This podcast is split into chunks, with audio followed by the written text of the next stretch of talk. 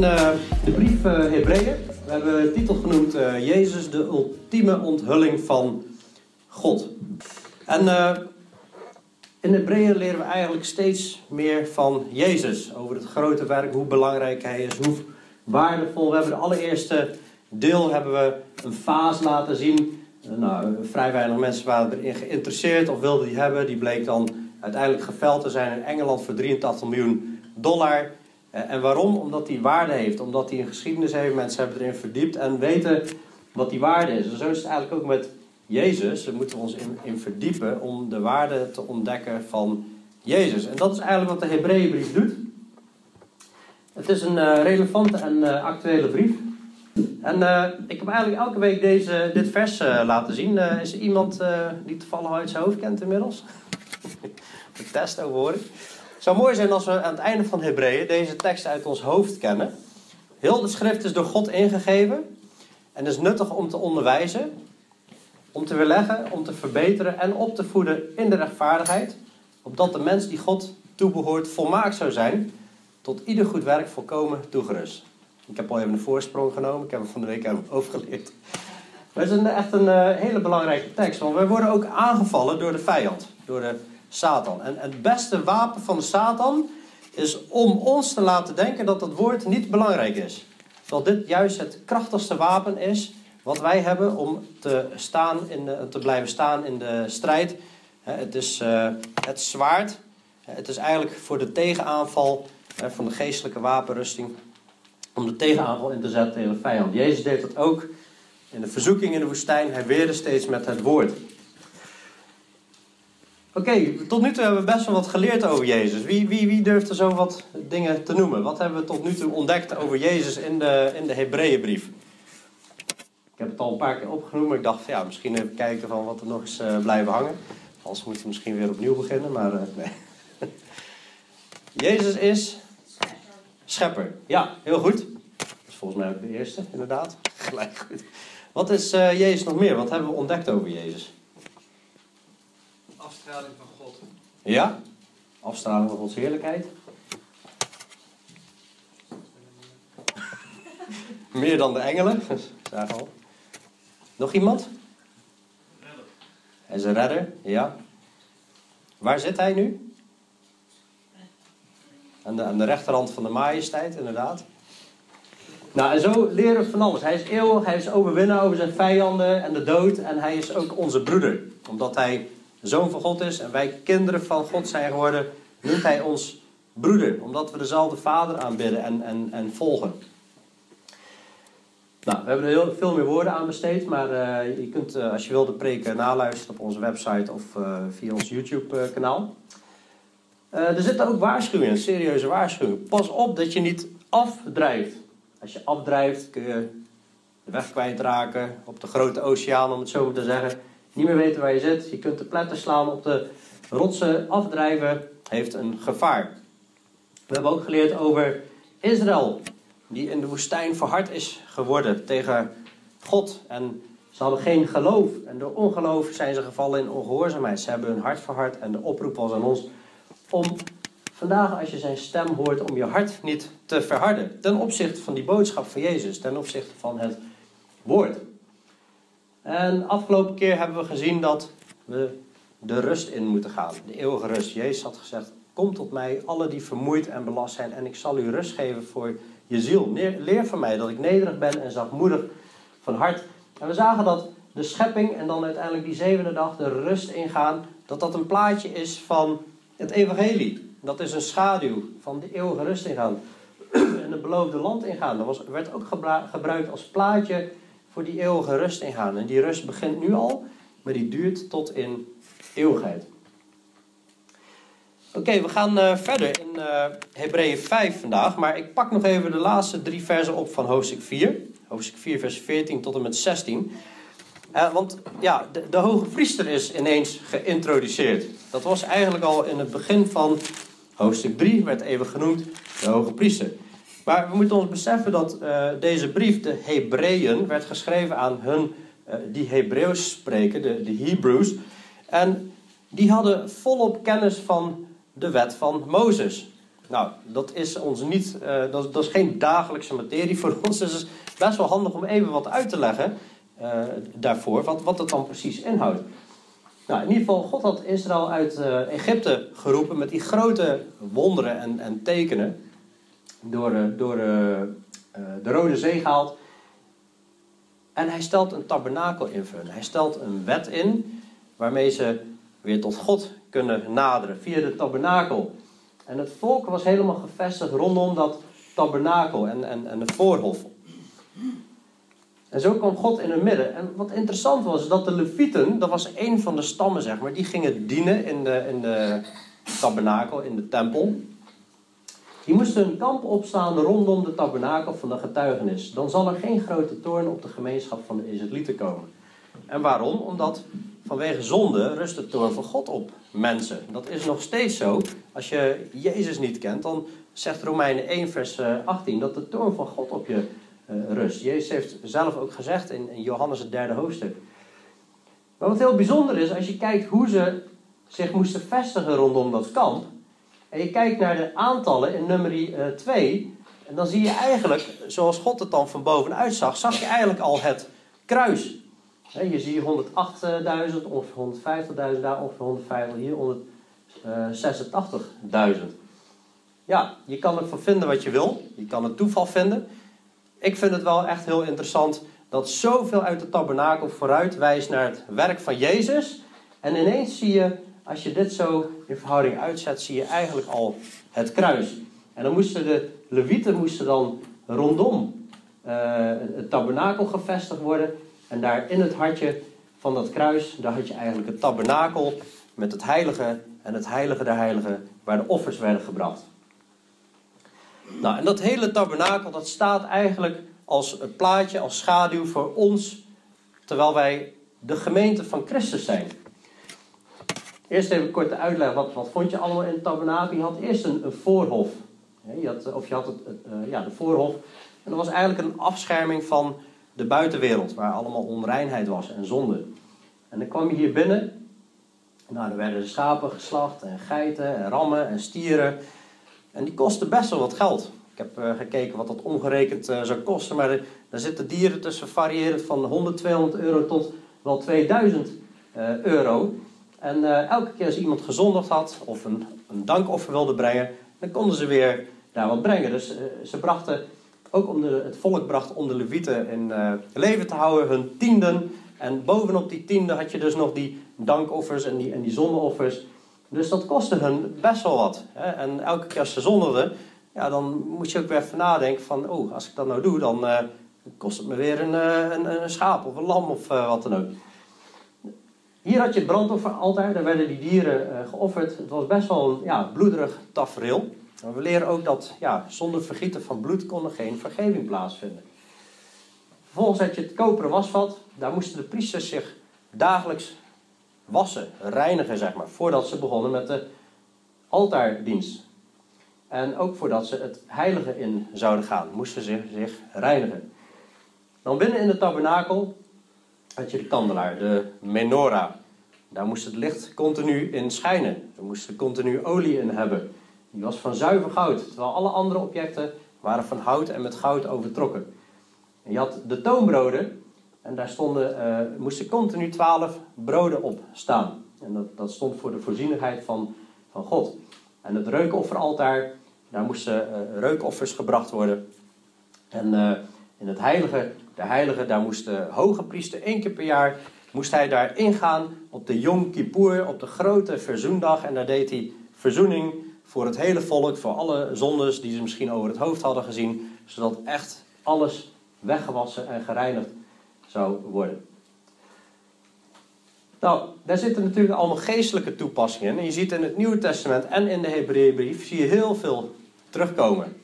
En je zou kunnen zeggen van hier gaan wij eigenlijk de voorhof in en dan, en dan dienen wij de Heer in, in, in, het, in de voorhof, zeg maar.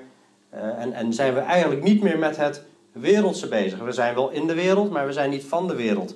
Het wereldse denken achterlaten.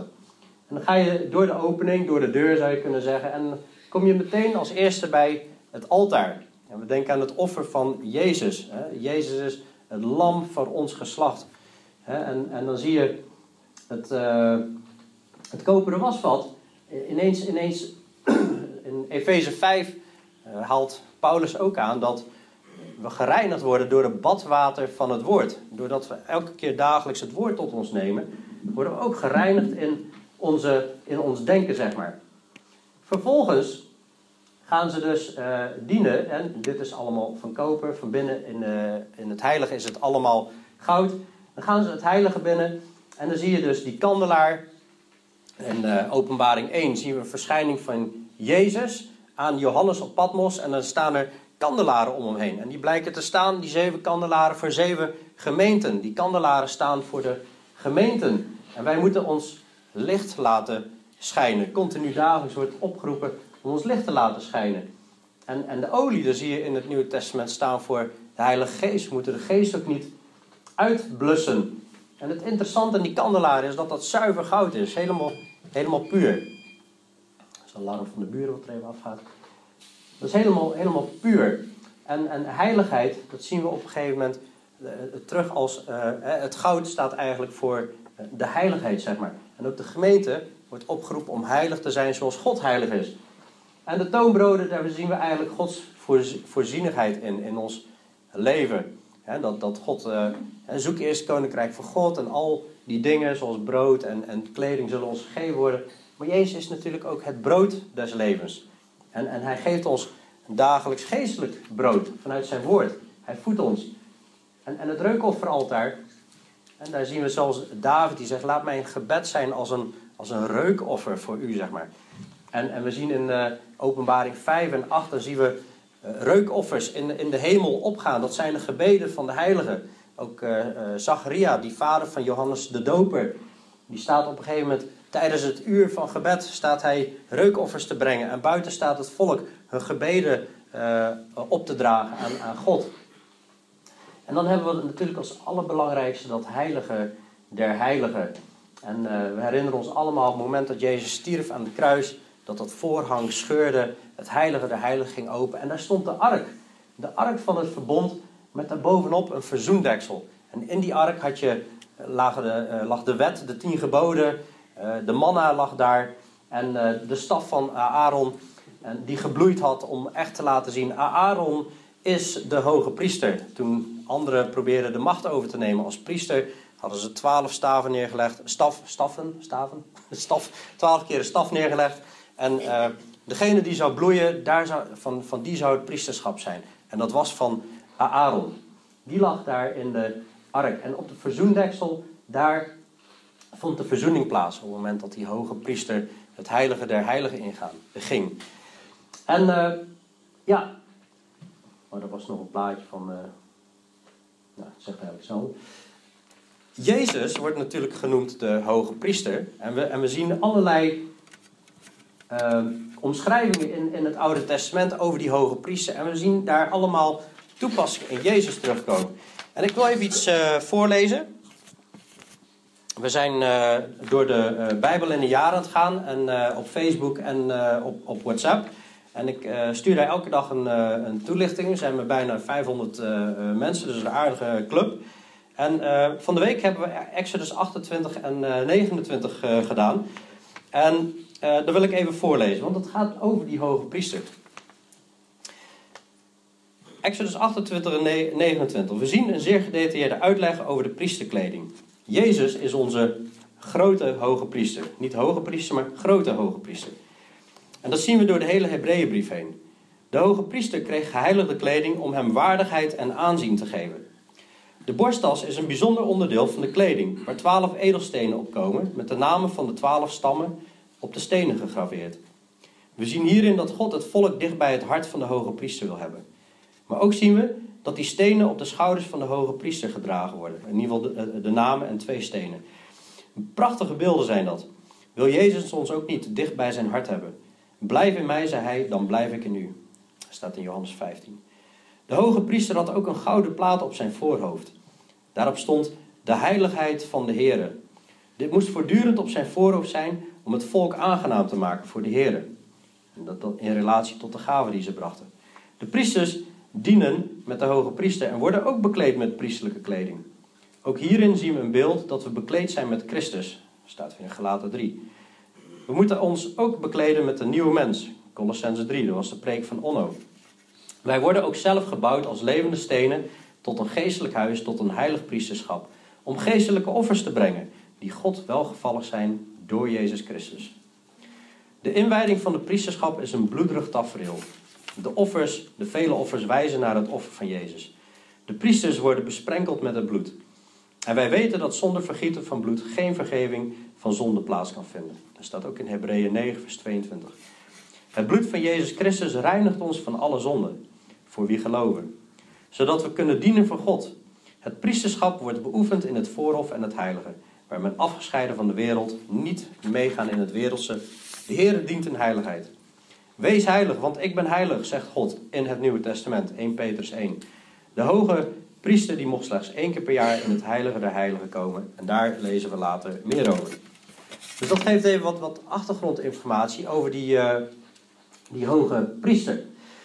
Vervolgens zien we dus, dit zijn maar artist impressions van hoe Jezus nu als hoge priester dient voor ons. Dus dat, dat beeld vanuit het Oude Testament is belangrijk om te begrijpen, zodat wij beter begrijpen waar we nu in dienen. Want het begint in Hebreeën 4, vers 14. Het duurde even, het was even een lange intro, maar nu komen we bij Hebreeën 4, vers 14. Nu wij dan een grote hoge priester hebben. Hij is niet de hoge priester, dan duur je hem echt te kort. Hij is echt de grote hoge priester. Die de hemelen is doorgegaan. In uh, 2 Korinther 12 lezen we, waarschijnlijk is het Paulus geweest die op een gegeven moment zegt: Ik ken een mens. En die, die is eigenlijk door de uh, derde hemel uh, heen gegaan. En die is in het paradijs gekomen. Of het in het lichaam was of buiten het lichaam, dat weet hij niet. En hij heeft daar dingen gezien en, en gehoord. En, en dingen gehoord die, waarvan het de mens niet geoorloofd is om die uit te spreken. Dus ja, nou leuk dat hij het meldt, maar vervolgens weten we nog niks. Maar de, hij is de hemelen doorgegaan. Namelijk Jezus, de Zoon van God. Jezus betekent ook hij die redt. De Zoon van God, dat laat weer zien zijn godheid. Dit is geen gewone hoge priester. Jezus werd aan het kruis genageld omdat hij zich zoon van God noemde. Dat stond in de ogen van de Joden gelijk aan jezelf aan God maken of jezelf God noemen. Laten wij aan deze beleidenis, deze geloofsbeleidenis vasthouden. En dit is, dit, is, dit is belangrijk. We hebben steeds gezien hoe belangrijk het is om vast te houden, niet af te drijven. We aan deze beleidenis vasthouden. Want dit is niet meer een aardse priester die elke keer weer sterft en er komt een nieuwe. Je kunt de hele lijst op internet terugvinden van alle hoge priesters die er geweest zijn. En een periode is er geen hoge priester geweest. En een paar jaar geleden hebben ze weer een hoge priester aangesteld. Maar dat doen de Joden omdat ze niet begrijpen wie de hoge priester nu is. De grote hoge priester. Laten wij aan deze beleidenis vasthouden. Want wij hebben geen hoge priester die geen medelijden kan hebben met onze zwakheden. Maar één die in alles op dezelfde wijze als wij verzocht is, maar zonder zonde. Ook in de verzoeking van de woestijn werd hij verzocht. Maar hij weer stond de duivel door steeds te zeggen: Er staat geschreven, er staat geschreven. Laten wij dan met vrijmoedigheid naderen. Dus helemaal in volle vrijheid. Er is niks meer wat ons belemmert. En laten we vrijmoedigheid naderen tot de troon van genade, opdat we barmhartigheid verkrijgen en genade vinden om geholpen te worden op het juiste tijdstip. God kan ons helpen, Jezus kan ons helpen. We hebben een hoge priester die geleden heeft zoals wij.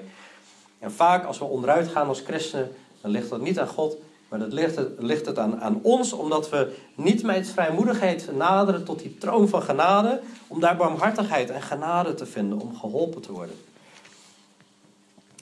Dus daarmee is een introductie gemaakt aan, aan, aan het priesterschap en de, en offerdienst. En uh, een vergelijk tussen het oude en nieuwe verbond, waar we de volgende hoofdstukken heel erg diep op in zullen gaan. De schrijver gaat hier diep op in.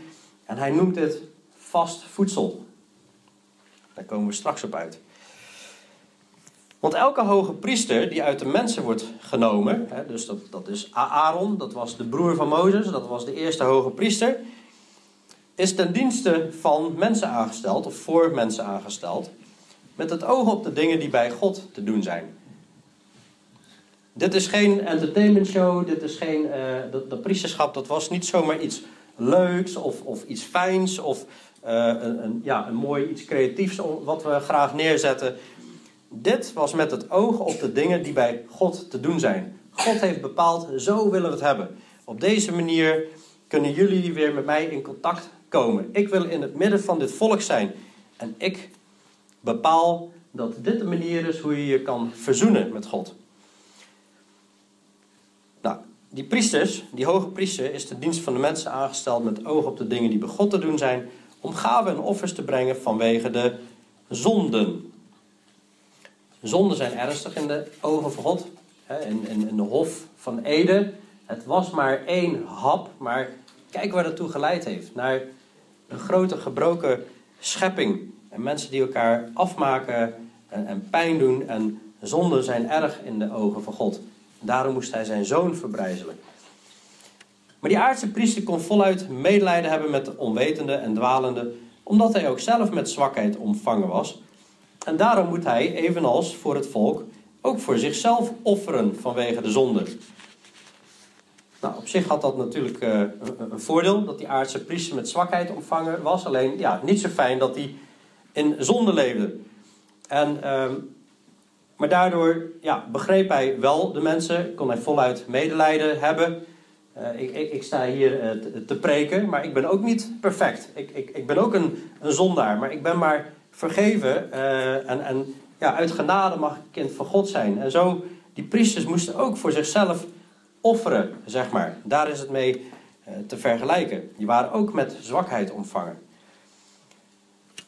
Maar Jezus was anders. Jezus was perfect. Hij was volmaakt. Niemand neemt die eer voor zichzelf, maar men wordt er door God toe geroepen, zoals Aaron. En dat is heel belangrijk om te beseffen dat het God is die roept en mensen op een bepaalde plek stelt. We hadden net over die staf van Aaron, die in de, in de ark van het verbond lag, zeg maar. Daarmee heeft God laten zien, ik heb Aaron geroepen. Ik heb bepaald dat Aaron en zijn nakomelingen alleen maar het hoge priesterschap mogen beoefenen. Niemand neemt die eer voor zichzelf. Er zijn mensen geweest die hebben geprobeerd om die eer tot zichzelf te nemen, zeg maar. En daar is het niet goed mee afgelopen. Eh, bijvoorbeeld een, eh, een, een, koning Sal, die eh, ging op een gegeven moment zelf offeren. Terwijl de Heer had gezegd, jij moet wachten op Samuel. Samuel moet offeren. Hij werd ongeduldig, hij ging zelf offeren. Wat gebeurde er? Het koninkrijk werd van hem afgenomen. Omdat Sal ongehoorzaam was. Er is nog een andere koning, koning Uzia.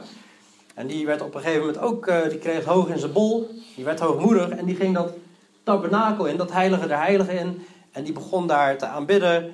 En uh, klinkt natuurlijk heel mooi, een koning die gaat aanbidden, maar dat was niet zoals God het had ingesteld. God had Uzia niet geroepen om uh, dienstwerk te doen in het heilige. En de priesters waarschuwden nog, Uzia doet het niet. En hij werd boos. Hij dacht, ik ben de koning, ik bepaal het wel. En hij werd met melaatsheid geslagen tot aan het einde van zijn leven. Niemand neemt die eer voor zichzelf, maar men wordt er door God toegeroepen, zoals Aaron. Um, zo heeft ook Christus zichzelf niet de eer gegeven om hoge priester te worden, maar hij die tot hem heeft gesproken: U bent mijn zoon, vandaag heb ik u verwekt. Zoals hij ook in een andere plaats zegt: U bent priester in eeuwigheid, naar de ordening van Melchizedek. Zo heeft Christus zichzelf niet de eer gegeven om hoge priester te worden, maar hij die tot hem gesproken heeft: U bent mijn zoon, vandaag heb ik u verwekt. Nou, waarom, waarom haalt de schrijver dit ineens aan? Christus heeft zichzelf niet de eer gegeven. Dat, dat snappen we. we uh, niemand stelt zichzelf in die positie om hoge priester te worden. Maar hij die tot hem gesproken heeft: U bent mijn zoon, vandaag heb ik u verwekt. Deze zin, de, de Israëlieten, die kennen deze zin, want het komt uit Psalm 2. Psalm 2 is een messiaanse psalm. Je hebt bepaalde psalmen die bij de Joden heel bekend zijn als Messiaanse psalmen. En in uh, Handelingen 13 geeft Paulus geeft daar ineens een uitleg aan. Even kijken. Handelingen. 13, vers 32. En wij verkondigen u de belofte die aan de vaderen gedaan is. Namelijk dat God die vervuld heeft aan ons, hun kinderen, door Jezus te verwekken. Nou, dan zou je nog kunnen denken, oh, oh ja, hij is de, Jezus verwekken is de geboorte, zeg maar, ehm, in Bethlehem. Maar hij legt het meteen uit, zoals ook in de tweede psalm geschreven staat. U bent mijn zoon, vandaag heb ik u verwekt.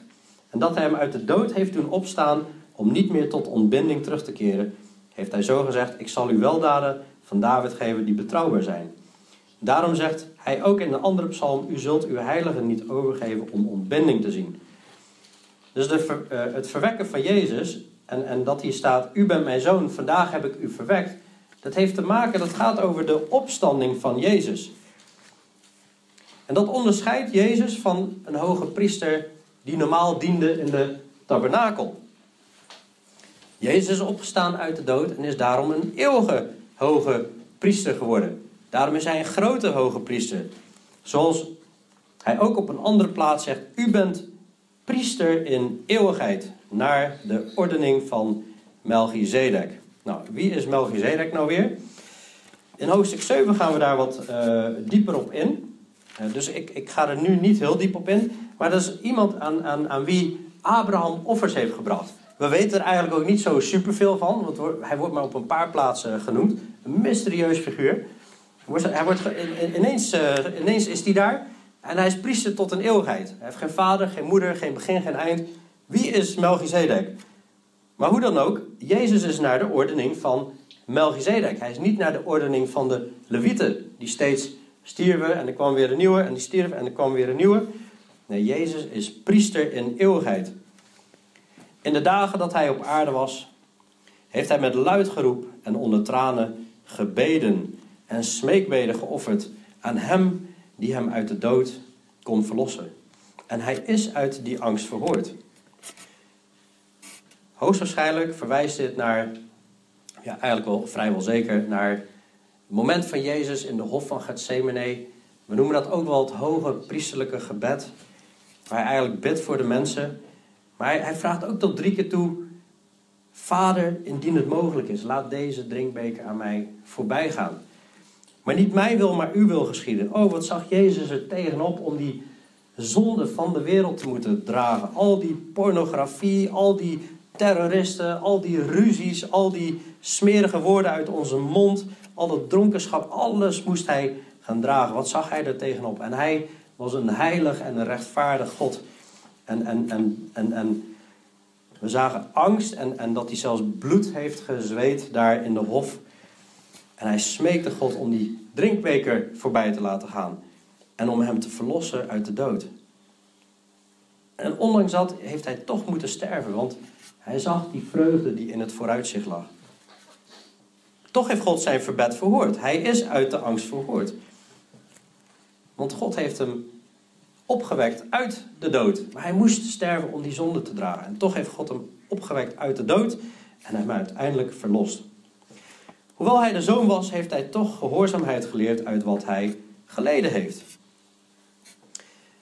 Jezus als hoge priester kwam op aarde. Hij was perfect, hij was God, maar hij was ook mens. Hij heeft gehoorzaamheid geleerd. Hier staat niet dat hij ongehoorzaam is geweest, maar hij heeft gehoorzaamheid geleerd. Toen hij twaalf was, was hij al in de tempel aan het onderwijzen. Zijn ouders waren hem kwijt en die waren verontrust. Nou, toen kwam hij bij ze en er staat er ook van uh, ja, dat, dat hij uh, hun onderdanig was, zeg maar. En hij leerde en hij, hij, uh, hij, hij nam toe in wijsheid. En hij heeft gehoorzaamheid geleerd. Hij heeft gebeden tot de Heer. Hij heeft gezegd, maar niet mijn wil, maar uw wil geschieden. En hij is uiteindelijk Gods wil gevolgd. En toen hij volmaakt was geworden, is hij voor alle die hem gehoorzamen een oorzaak van eeuwige zaligheid geworden. Nou, toen hij volmaakt was geworden, dat wil niet zeggen dat hij op een dag onvolmaakt is geweest, want hij is God.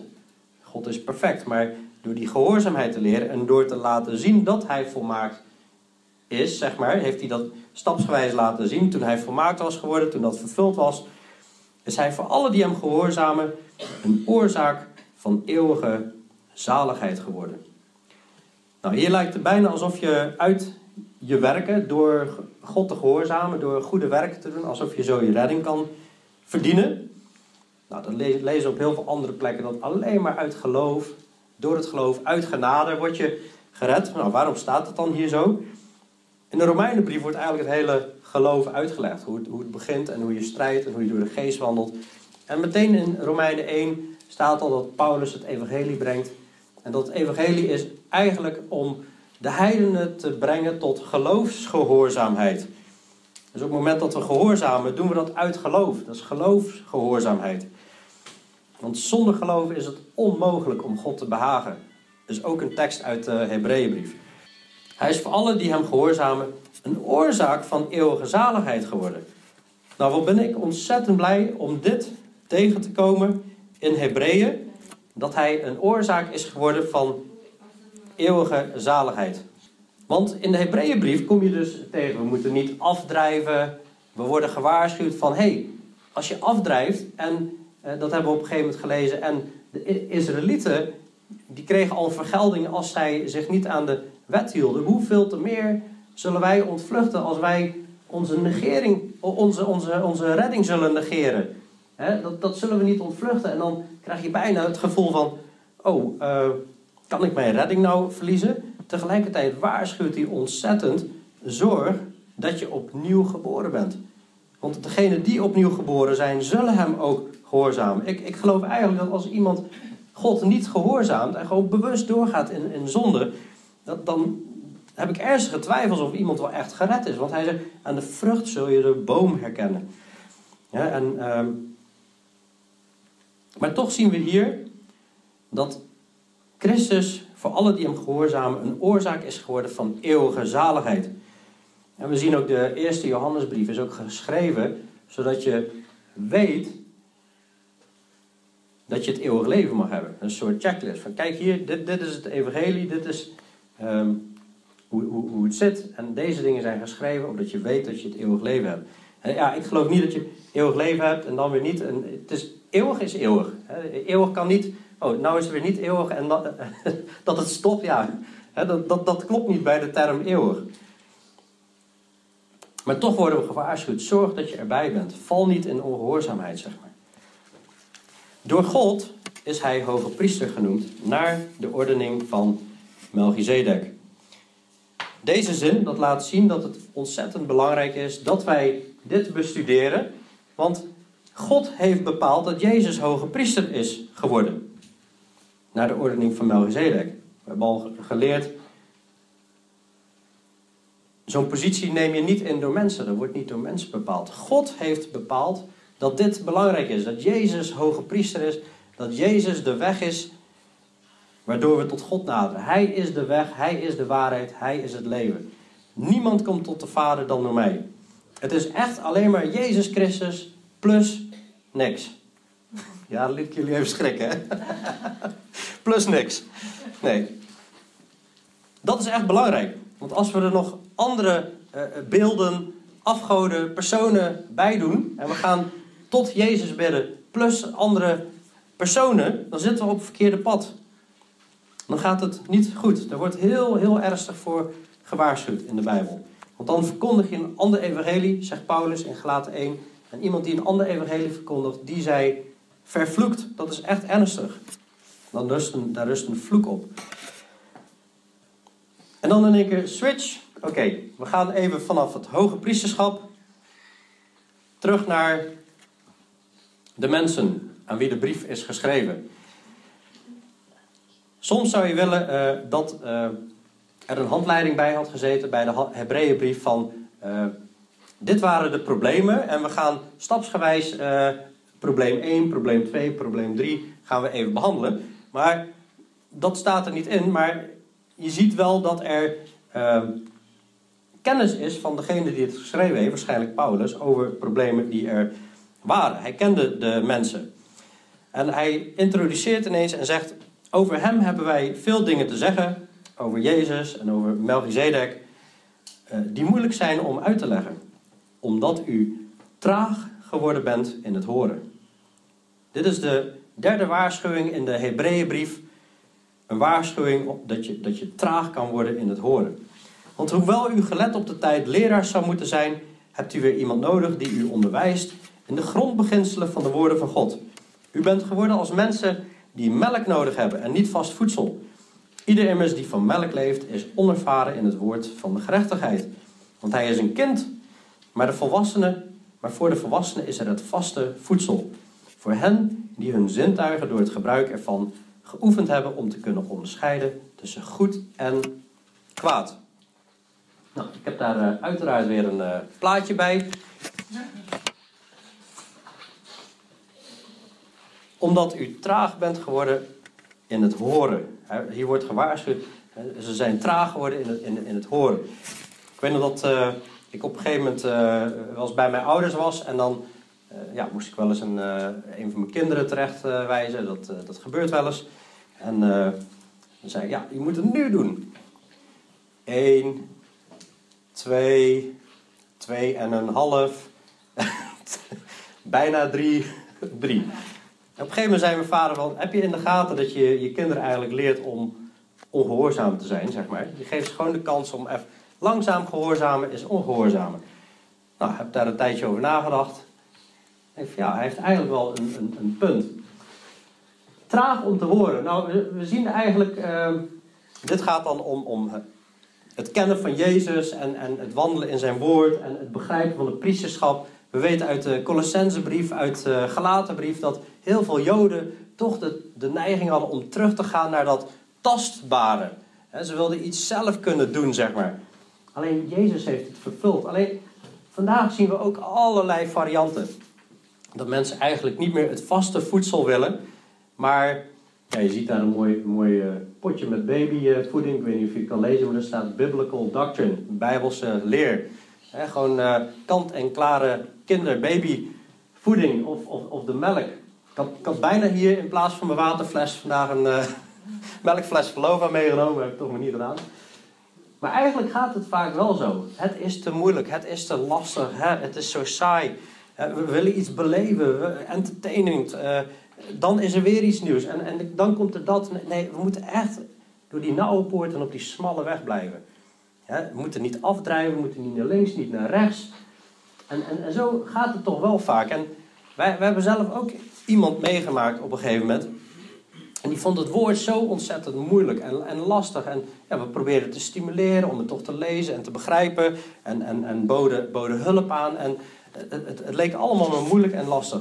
En wat mij opviel is dat op een bepaald moment er uh, gezondheidsproblemen waren in, in, in, het leven van die persoon.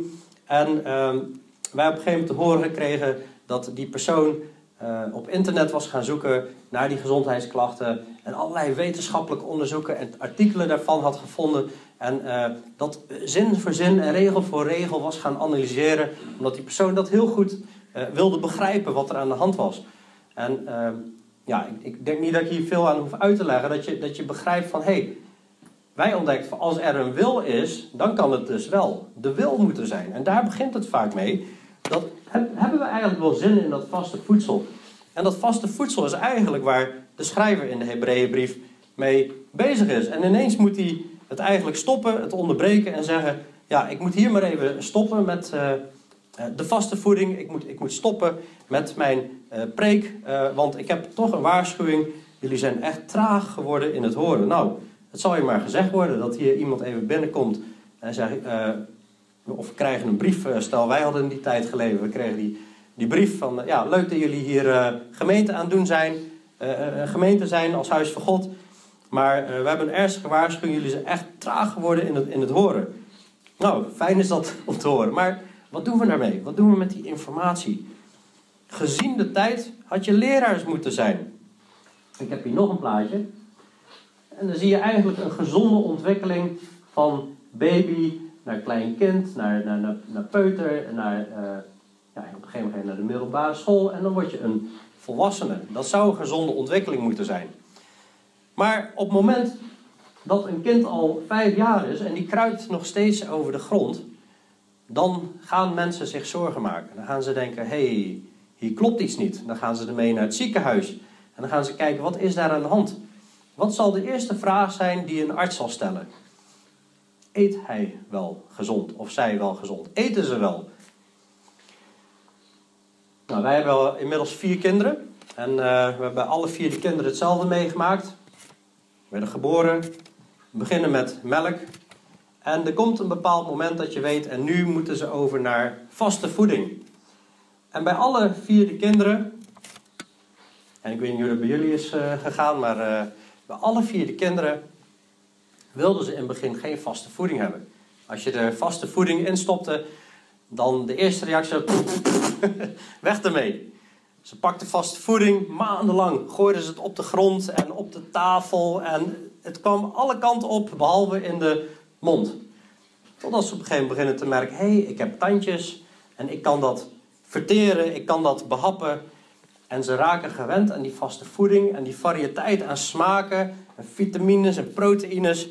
En op een gegeven moment willen ze niet meer anders dan die eentonige melk, zeg maar. Dus wat dat betreft, ja, God heeft ons zoveel laten zien in het aardse om het geestelijke te kunnen begrijpen. En dat is eigenlijk wat hij hier wil uitleggen. En ik moet ook zeggen, toen ik uh, op een gegeven moment, uh, tien jaar geleden, uh, was ik niet zo in mijn wandel zoals nu met de Heer. Ik was lauw en ik was lui en ik was traag geworden in, in het horen en ik had honger. Ik had echt heel erg honger naar het woord van God en naar de relatie met God. En toen ben ik onderweg naar mijn projecten als projectcoördinator. Toen bij mijn baan in de bouw. Ik had projecten in, in, in Friesland en in, uh, in uh, Rijswijk en in, en in Haarlem. Dus ik had heel veel uren onderweg om de audiobijbel te luisteren. En, en daar heb ik heel veel geluisterd en, en ik ben ook erg verdrietig geworden om wat de mensheid God heeft aangedaan. Door alle eeuwen heen. Maar ook de confrontatie met mezelf. En vooral toen ik dit hoorde, deze, dit gedeelte, gezien de tijd, had je leraar moeten zijn. Nou, niet iedereen heeft de gave leraarschap, maar in ieder geval in staat om in ieder geval het woord te kunnen verdedigen. Of in ieder geval jou geloof, van overtuigd te zijn dat wat jij gelooft ook echt in de Bijbel staat. En alsof ik op de snelweg reed, 120 km per uur, en alsof in één keer die auto stil stond. dat gebeurde niet, maar gewoon in mijn, in mijn hart. Alsof gewoon even mijn leven stil stond. Waar ben ik eigenlijk mee bezig? Waar, eh, ik, ik zeg christen te zijn, maar wat, wat weet ik eigenlijk? En dat kwam eigenlijk naar aanleiding dat er een leerde kerk binnenkwam. over dat Jezus helemaal geen God zou zijn geweest toen hij hier op aarde was. En ik, ik, ik had geen Bijbeltekst om het mee te weerleggen, maar iets in me zei: volgens mij klopt hier iets niet. En het klonk allemaal heel aannemelijk. De helft van de gemeente werd er eigenlijk zo in meegezogen. En toen ben ik gaan denken: alles wat ik in mijn hoofd geloof, dat moet ik gaan toetsen. Ik, ik kan niet straks voor God staan en denken van... Ja, maar dat heeft Jantje en Pietje zo, mij zo uitgelegd. Ik heb de verantwoordelijkheid dat wat ik geloof, dat dat ook is op basis van de schrift. En daarom hebben we vaste voeding nodig. En is er een waarschuwing om niet traag te zijn in het horen. We horen vandaag boodschap. En wat ga je ermee doen? Gaan wij naderen tot die troon van genade? God heeft het werk bewerkt. Er is vast voedsel. We kunnen onze zintuigen ermee oefenen. En waarom is het belangrijk? Zodat we door het gebruik ervan geoefend worden om te kunnen onderscheiden tussen goed en kwaad. Laatste vers van hoofdstuk 5. Dan zien we eigenlijk weer terug in die, in, in, die, in die tekst waar ik steeds aanhaal, waarom de Bijbel relevant is. Zodat de mens die God toebehoort volmaakt zou zijn tot ieder goed werk volkomen toegerust zodat je geestelijk onderscheid hebt. En niet meegesleurd wordt in elke wind van leer. En die zijn er heel erg veel. Er is van alles waar we mee geëntertained kunnen worden. Ik ga je volgende keer mee verder. We pauzeren hier, want ik zit eigenlijk midden in een blok wat voor, verder gaat in hoofdstuk uh, eh, 6. Maar we zijn al uh, drie kwartier uh, onderweg. En ja, goede voeding, goede proteïnes en vitamines weer vandaag. En vezels en al die dingen. Mag ik nog iets over zeggen? Ja. Over, dat heeft iemand is gezegd, dat heb ik opgeschreven. Over als we met vrijmoedigheid tot de troon van genade mogen gaan. Dat, die heeft gezegd, ik mag nu al altijd zijn waar ik straks voor eeuwig ben. Ja. Die troon van genade. Ja, dat mooi. Is zo'n mooie mooi. gedachte. Hè? Ja, die genade gaat voor eeuwig door. ja, ja, dat je er nu al bent, ook al ja, ben je hier, maar dan ben je toch daar. ook al zitten met ons ja, zondig lichaam nog aan het aardse Ja, vastgekoppeld. Dat die, eh, die troon van genade. Ja, mooi. Dankjewel voor de aanvulling. Ja. Oké, nou laten we naderen tot die troon van genade. Met vrijmoedigheid, zodat we barmhartigheid en genade mogen vinden. Hemelse Vader, Heer Jezus, dank u wel. Dat we zoveel mogen leren. Dat u zoveel inzicht hebt gegeven. Zoveel plaatjes in het Oude Testament. Over hoe u te werk gaat. En dat, en dat u de hoge priester bent. De grote hoge priester die voor eeuwig is. En dat we geen nieuwe hoge priester meer nodig hebben. Heer Jezus, dank u wel voor uw verzoeningwerk. Dank u wel dat we gered zijn van de eeuwige poel van vuur. Wat wij eigenlijk verdiend hadden vanwege onze ongerechtigheden. En, en dat, dat de toorn op u is gevallen, Heer Jezus. Dat u verbrijzeld bent om onze ongerechtigheden. Dat uw bloed heeft gevloeid, daar danken we u voor. Heer, help ons om te groeien. Help ons om ons te vormen zoals u wilt dat we zullen zijn, Heer. Gebruik ons, maak ons instrumenten van u, Heer. Heer, ik geef mij over aan u. Heer, doe maar met mij wat u wilt. Heer, ik wil niet meer van mezelf zijn. Niet meer ik, maar Christus leeft in mij. Heer, we willen u dienen als priesters, Heer. Ik vraag u dat iedereen hier zijn hart aan u geeft. Iedereen volkomen zijn hart aan u geeft. Dat u mag zitten op de troon in, in ons hart, Heer. Dat we allemaal verzoening mogen doen voor die troon van genade. Dat u verheerlijkt wordt vandaag, Heer. Dat we ons licht mogen laten schijnen als zo'n menorah, zo'n zo'n kandelaar. En de geest niet uitblussen. Dat die continu zal blijven branden. Zodat anderen die onze werken zien, de Vader zullen verheerlijken. Terwijl wij ons licht laten schijnen. Heer Jezus, laat uw naam zo verheerlijkt worden deze morgen. We prijzen uw naam. Heer, en eh, dank u wel voor uw woord. Wat moesten we toch zonder? Heer, en eh, help ons om ook, dagelijks voeding tot ons te nemen. Om ons te trainen en te oefenen, zodat we goed en kwaad kunnen onderscheiden. Heer, zodat we alle listige misleidingen van de Satan kunnen weerstaan en herkennen en inzien. Heer, schenk ons genade en barmhartigheid. Het is moeilijk. We hebben het elke dag moeilijk. We zijn soms zagrijnen. We zijn soms met verkeerde benen uit bed gestapt. We hebben soms pijn en, en, en moeite. En of die collega zegt weer net het verkeerde. Of voor de vierde keer achter elkaar. Help ons alstublieft om zacht te zijn in ons hart en niet verhard. In Jezus' naam vragen we dat. Wilt u werken met uw geest, Heer? In Jezus' naam. Amen. Thank you.